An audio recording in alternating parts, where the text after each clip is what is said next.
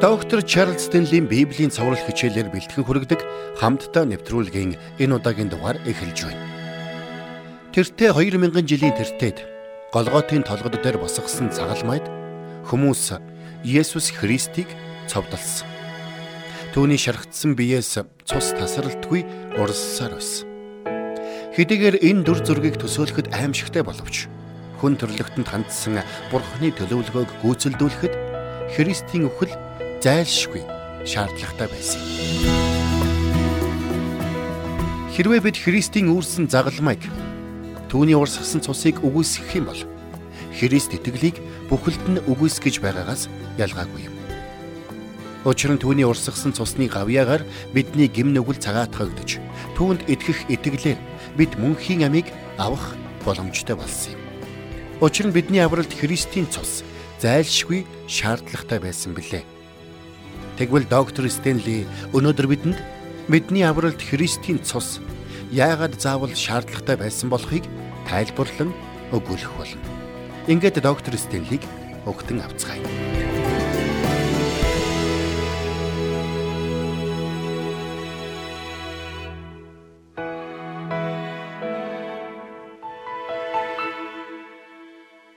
Хэрвээ хин нэгэн хүн тань дээр ирээд Христэд итгэгчд яахаараа дандаа цусны тухай яриад байдаг юм бэ гэж асуувал та тэдэнд юу гэж хариулах вэ? Та тэдэнд яагаад гэдгийг нь хэлж өгч чадах уу? За тэгвэл өнөөдөр хамтдаа Иохны сайн мэдээ номны 1-р бүлгийг гаргаад харъя. Элч Иохан энд баптизм хүртээгч Иохны талаар энхүү бичсэн байна. Иохны 1-р бүлгийн 19-с 24-ыг харъя. Та хинбэ гэж Иоханоос асуулгахаар евдэчүүд тахилч нар болон Левичүүдийг Иерусалимаас илгээхэд түүний гэрчлэл ийм байлаа. Тэр эс үгүйсгэн хүлээн зөвшөөрч би Христ биш гэж хүлээв. Тэд түүнээс тэгвэл хин юм бэ? Та Элия юм уу гэж асуухад тэр би биш гэсэнд та өнөөх иш үзүүлэгч үү гэхэд тэр үгүй гэлээ. Тэгтэл тэд түүнд та хэн бэ? Биднийг явуулагсад бид хариу өгөх учиртай. Та өөрийнхөө тухай юу хэлэх вэ гэв. Йохан иш үзүүлэгч Исаигийн айлтсан эзний замыг шулуун болгогтун гэж цөлд хашгирах дуу бий билээ гэж хэлв. Фарисеучүүдийн илгээсэн хүмүүс бас байлаа. За тэгэхээр та харж байна уу? Нэг хүн гинтл цөлд гарч ирээд хүмүүст баптизм хүртээж хүмүүсийг гим нүглээ гимшихийг уриалж гайхамшигтай сэргэлтийг авчирж эхэлсэн байна. Тиймээс фарисеучуд гайхан түүн рүү хүмүүс явуулж түүнийг яг хэн болохыг нь мэдхийг хүссэн байгаа юм. Тэгээд түүнээс ингэж асуужээ. Ингээд хамтдаа 25-аас нь хойш харъя. Тэд түүнээс та Христ биш юм байна. Элияч биш юм байна. Өнөөх иш үзүүлэгч биш юм бол яагаад баптизм хүртээн вэ гэж асуусанд Йохан би усаар баптизм хүртээдэг. Харин та нарын үл таних нэгэн дунд чинь зогсож байна. Миний араас ирэх чинь тэр бөгөөд би түүний шаахан үдээсийгч тайлах үн хүндгүй гэв. Энэ явдал Иохны баптизм хүртэж байсан Йордан голын чанд дах Битанд болсон юм. Дараа өдөр нь Иохан өөрөө нь ирж ява Есүсийг хараад харахтун ертөнцийн нүглийг үүрэгч Бурхны хураг гэж хэлсэн байдаг. За тэгэхээр баптизм хүртээгч Иохан энд эзэн Есүсийн талаар гурван зүйлийг хэлсэн байгаа юм. Ингэхдээ хамгийн түрүүнд ертөнцийн нүглийг үүрэгч Бурхны хураг хэмээн нэрлсэн байна. Жухамда яагаад заавал ингэж нэрлэх болсныг би танд тайлбарлаж өгье. Хуучин гэрээний туршид Бурхны хураг буюу Бурхны аврагч Месая ирэх болно гэсэн ойлголт байсаар ирсэн. Тиймээс ч баптизм хүртээгч Иохан Есүсийг Бурхны хураг хэмээн нэрлсэн юм. Гэхдээ тэр Бурхны хургийн гол зорилго нь энэ ертөнцийн нүглийг үүрэх байсан юм. Өөрөөр хэлбэл энэ нь Бурхан хүн хоёрыг тусгаарлаж байсан гим нүглийн асуудлыг шийднэ гэсэн үг. За тэгвэл эндээс үзвэл түүнийг энэ дэлхийд зүгээр нэг хаан эсвэл иш үзүүлэгч эсвэл багш эдгээгч номлогч болохын тулд ирээгүй гэдгийг хэлсэн байгаа юм. Харин тэр авралын зорилгоор ирсэн байсан. Энэ бол Израильчүүдийг болон хүн төрлөختнийг бурхнаас тусгаарлаж байсан гим нүглийн асуудлыг шийдвэрлэх явдал байсан юм.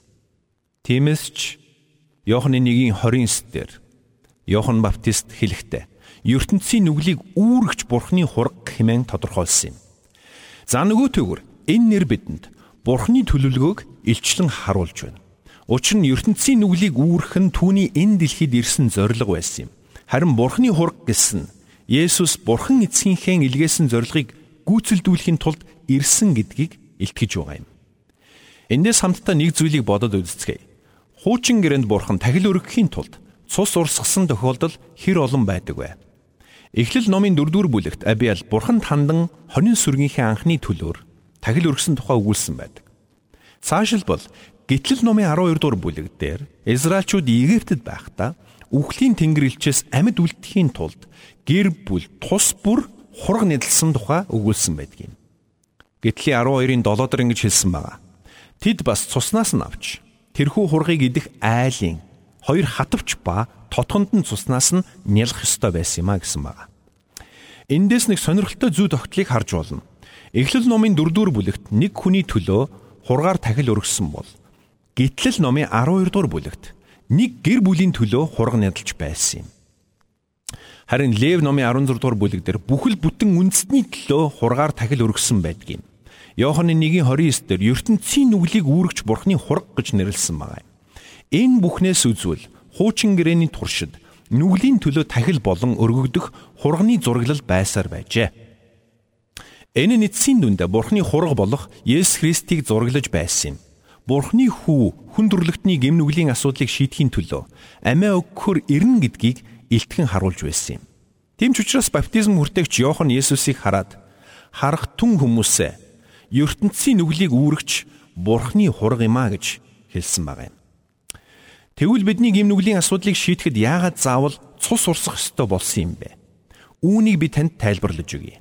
Бид бүхэн Бурханаас уучлалыг хүлээж авахын тулд Есүс Христ зайлшгүй цусаа урсгах ёстой байсан юм.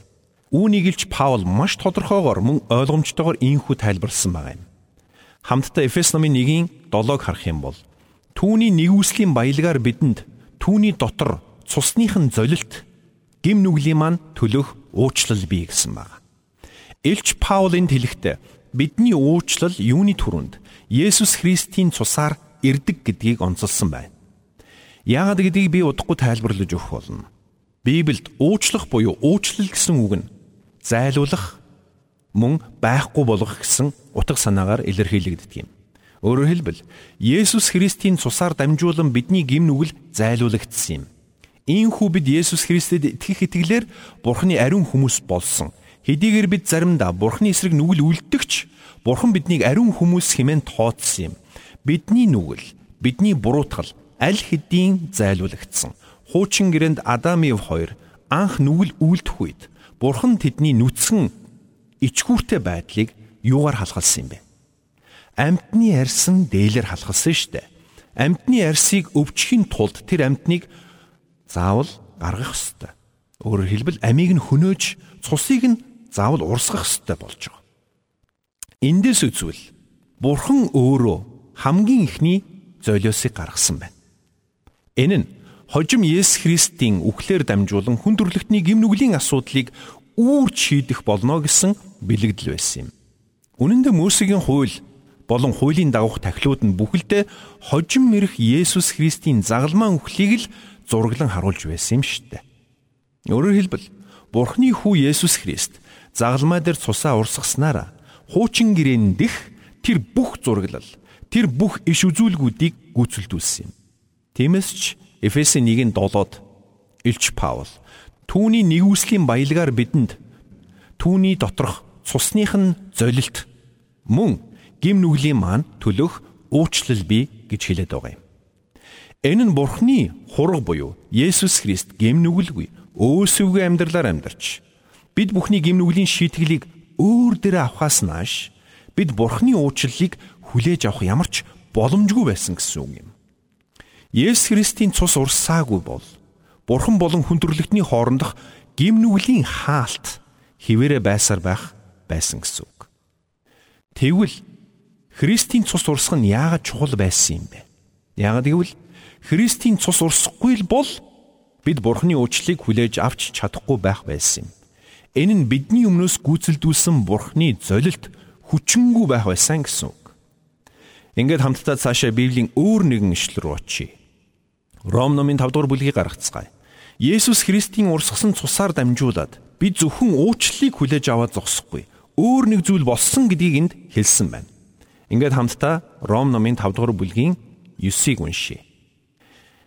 Тим дидүүгэ түүний цусаар зөвтгөгдсөн бид. Тэр тусмаа түүгээр дамжуулан уур хилэнгээс ч аврагдах болно. Гисэн байгаа юм. Өмнөх ишлэлд нь Илч Паул Христийн цусаар дамжуулан бид уучлалыг хүлээж авдаг тухай өгүүлсэн бол харин энэ хэсэгдэр түүний цусаар зөвтгөгдсөн гэж хэлсэн байгаа юм. Өөрөөр хэлбэл бид Есүс Христийн цусаар дамжуулан зөвтгөгддөг байх нэ. Зөвтгөгдөн гэдэг нь Бурхан бидний хүн нэг бүрийг буруугүй хэмээн тунхагласан гэсэн үг. Энэ нь Есүс Христэд итгэж түүнийг аврагчаа болгон хүлээн авсан хүн нэг бүр буруутгалаас үүр дангиж ирсэн гэсэн үг юм. Бид буруутгалаасаа ангижраа зогсохгүй. Биднийг Бурхны мэлмид зүвт хэмээн тооцуулсан юм. Тиймээс ч Ромын 5:17 дээр мөн инх өгүүлсэн байдаг. Ганц хүний алдаа зөрчлөөс болж ганц хүнээр дамжин үхлэн ноёрхсон юм бол Тэгих тусмаа нэгүслийн баялагийг болон зөвхт байдлын бэлгийн дүүрэн хүртэгсэд нь Есүс Христ гихч ганц хүнээр дамжин амьд ор ноёрхно гэсэн байна. Гим нүглээсээ болоод Бурханаас үүр тусгаарлагдсан байсан хүмүүсийг Бурхан яаж зөвхт хэмээн тунхаглаж чадсан юм бэ? Яг гэвэл тэдний төлөх ёстой төлөөсийг өөр хэн нэгэн төлсөн гэсэн үг юм. Тэгвэл тэд ямар төлөөс төлөх ёстой байсан юм бэ? Нүглийн төлөөс нь үхэл юм. Тэгвэл хүн төрлөختний нүглийн төлөөсийг хэн төлж чадах юм бэ? Гим нүгэлгүй амьдрсан хүн л үнийг бусдын өмнөөс төлж чадна шүү дээ. Хэрвээ та санаж байгаа бол хуучин гэрээнд тахил өргөхдөө согоггүй ямар ч өө сэвгүй хургаар тахил өргөдөг байсан. Тиймээс Малахи номын 1:13-т инхүү бичигдсэн байдаг. Та нар хулгаалагдсан эсвэл доголон өвчтэй амьтныг авчирдаг штэ. Ийм юмсыг та нар өргөлд авчирдаг юм. Түүнийг чинь би та нарын гараас зөвшөөрөн авах ёстой гэж юу гэж эзэн айлцсан байдаг. Тэгвэл хуучин гэрээнд ямар ч өөс эвгүй хургаар тахил өргөдөг байсан шиг хүн төрлөختний гэм нүглийг үүрэх бурхны хурганч мөн ямар ч гэм нүгэлгүй өөс эвгүй цэвэр ариун байх ёстой байсан юм. Тэгвэл энэ ертөнцийн бие махбод оюун санаа сүнсээрээ гэм нүгэлгүй өөс эвгүй амьдрч чадсан цорын ганц хүн бол Есүс Христ юм. Тэр өөрөө ч энэ дэлхийд ирэхдээ амиа өгөхийн тулд ирсэн юм. Тэгэхээр өнөөдөр Бурхан бидэнд би чамайг зөвхт хэмээн тунхаглаж байна. Би чамд зөвхт байдлыг бэлэг болгон өгч байна. Чи миний нүдэнд зөвхт хэмээн тунхаглаж байна гэдэг нь бидний төлөх ёстой байсан төлөөсийг өөр хэн нэгэн аль хэдийн төлчихсөн байсан гэсэн үг юм. Хэн нэгэн бидний өмнөөс солиос болсон гэсэн үг юм. Тэгвэл тэр хүн нь Есүс Христ байсан юм. Тэр та бидний өмнөөс золиос болж модон загалмай дээр цусаа урсган амиа өгснөөр хүн төрлөختөн болон бурхны хооронд байсан гим нүглийн хаалтыг үгүй хийсэн юм. Тинхүү биднийг бурхнаас тусгаарлаж байсан гим нүглийн хаалт үгүй болж Есүс Христийн цус бидний гим нүглийг цагаатгсан учраас бурхан биднийг зөвхт хэмээн тооцох боломжтой болсон юм. Тэгэхээр Христийн цус урсаагүй байсан бол бид гим нүглийн уучлалыг хүлээн авах боломжгүй болох байжээ мөн Христийн цус урсаагүй бол бидэнд зөвтгөл өгөхдөггүй байх байсан.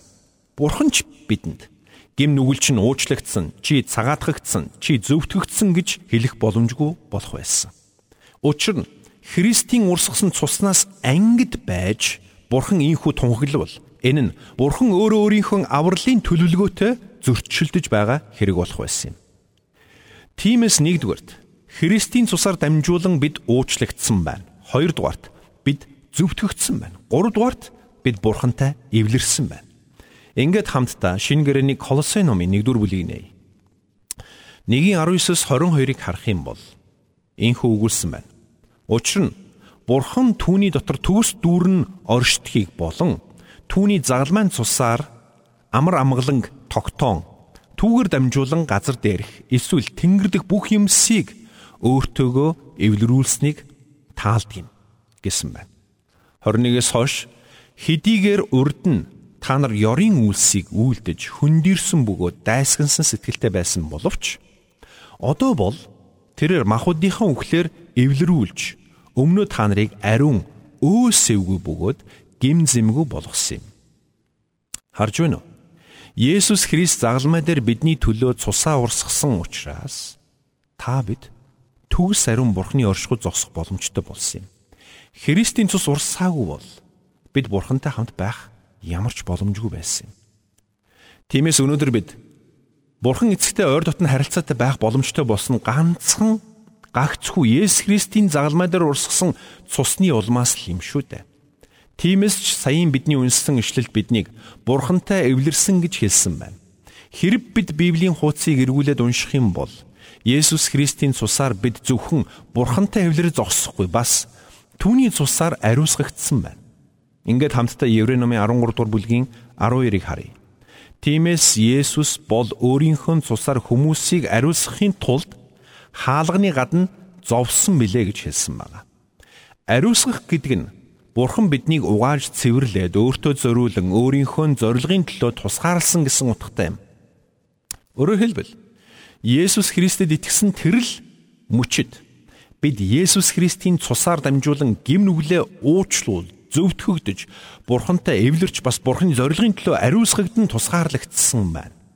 Өөрөөр хэлбэл цаашид бид өөрсдийнхөө тааллаар амьдрах бус харин түүний зорилгын төлөө амьдрах ёстой болсон гэсэн үг юм. Бид Есүс Христэд итгэсэн тэр мөчөд Есүс Христ биднийг үнэт цусаараа худалдаж авсан юм. Тинхүү бид түүний өмч болсон юм. Тэр биднийг өөртөө зориулан ариусгасан. Гэхдээ энэхүү ариусгал нь ганцхан удаагийн үйлдэл бус харин тасралтгүй үргэлжлэх үйл явц гэдгийг бид ойлгох хэрэгтэй. Бурхны ариун сүнс бидний дотор оршиж Итгэлийн амьдралын манд туршид биднийг ариусгасаар байдаг юм.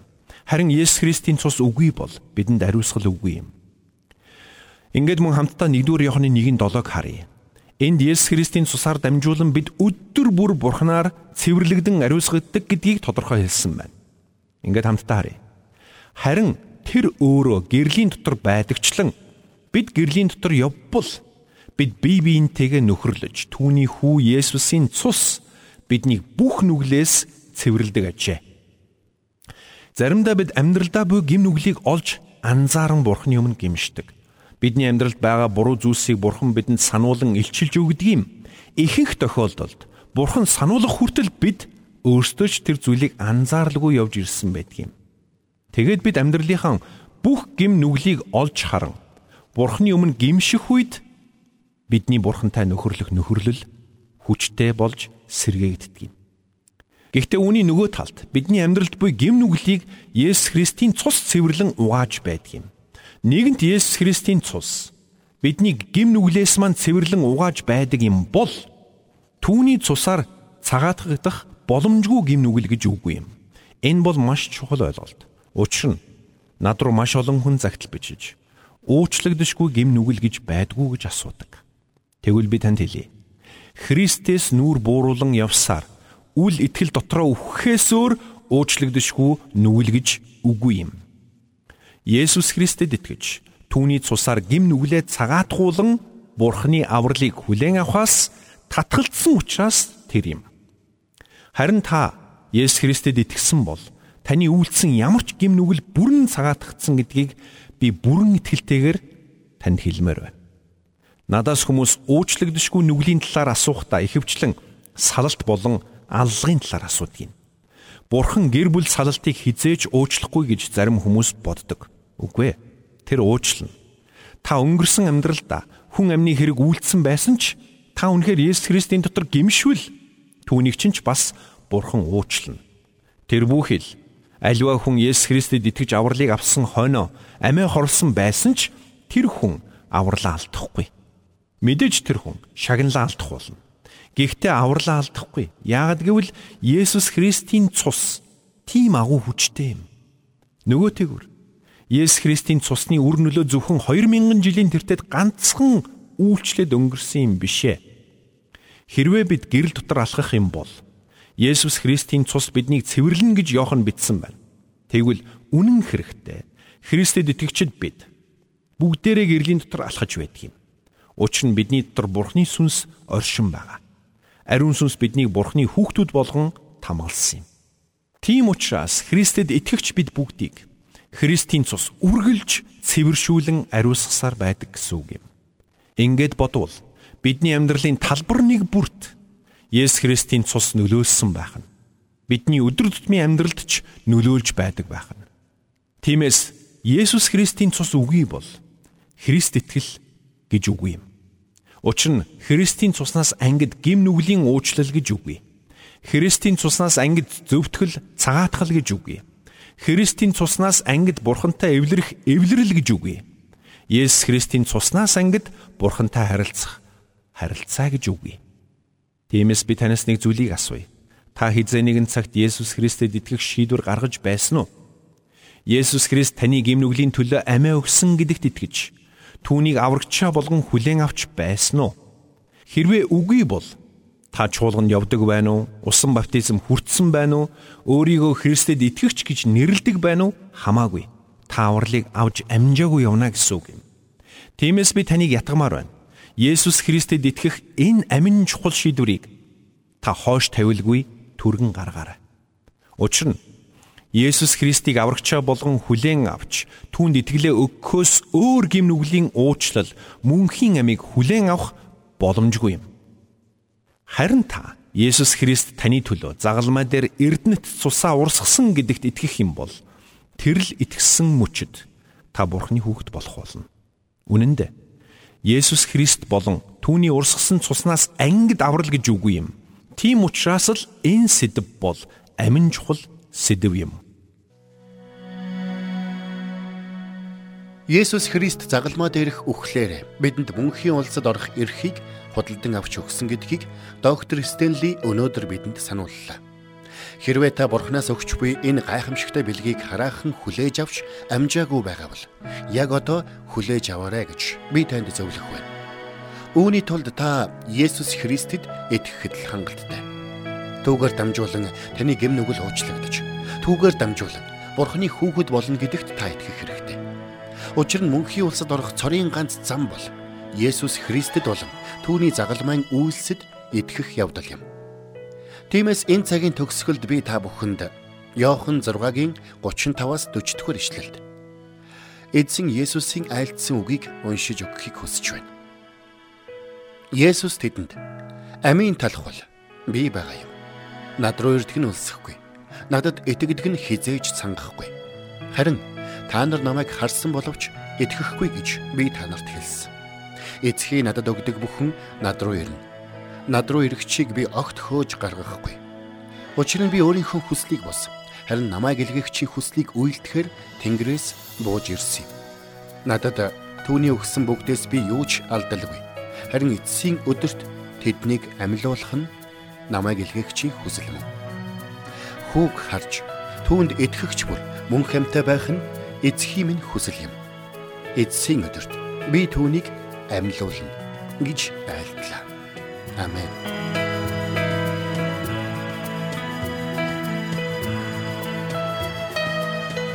Бурханд тэмүүлсэн сэтгэл хүмүүсийг энэрх зөрхөөр амьдрахад туслах номлогч доктор Чарлз Стенлигийн хамттай нэвтрүүлэг сонсогч танд хүрлээ. Нэвтрүүлгийг дахин сонсохыг хүсвэл ихтгэл радиоцик.com-оор зочлоорой. Бидэнтэй холбогдохыг хүсвэл 8085 99 тэгтэг дугаард хандаарай.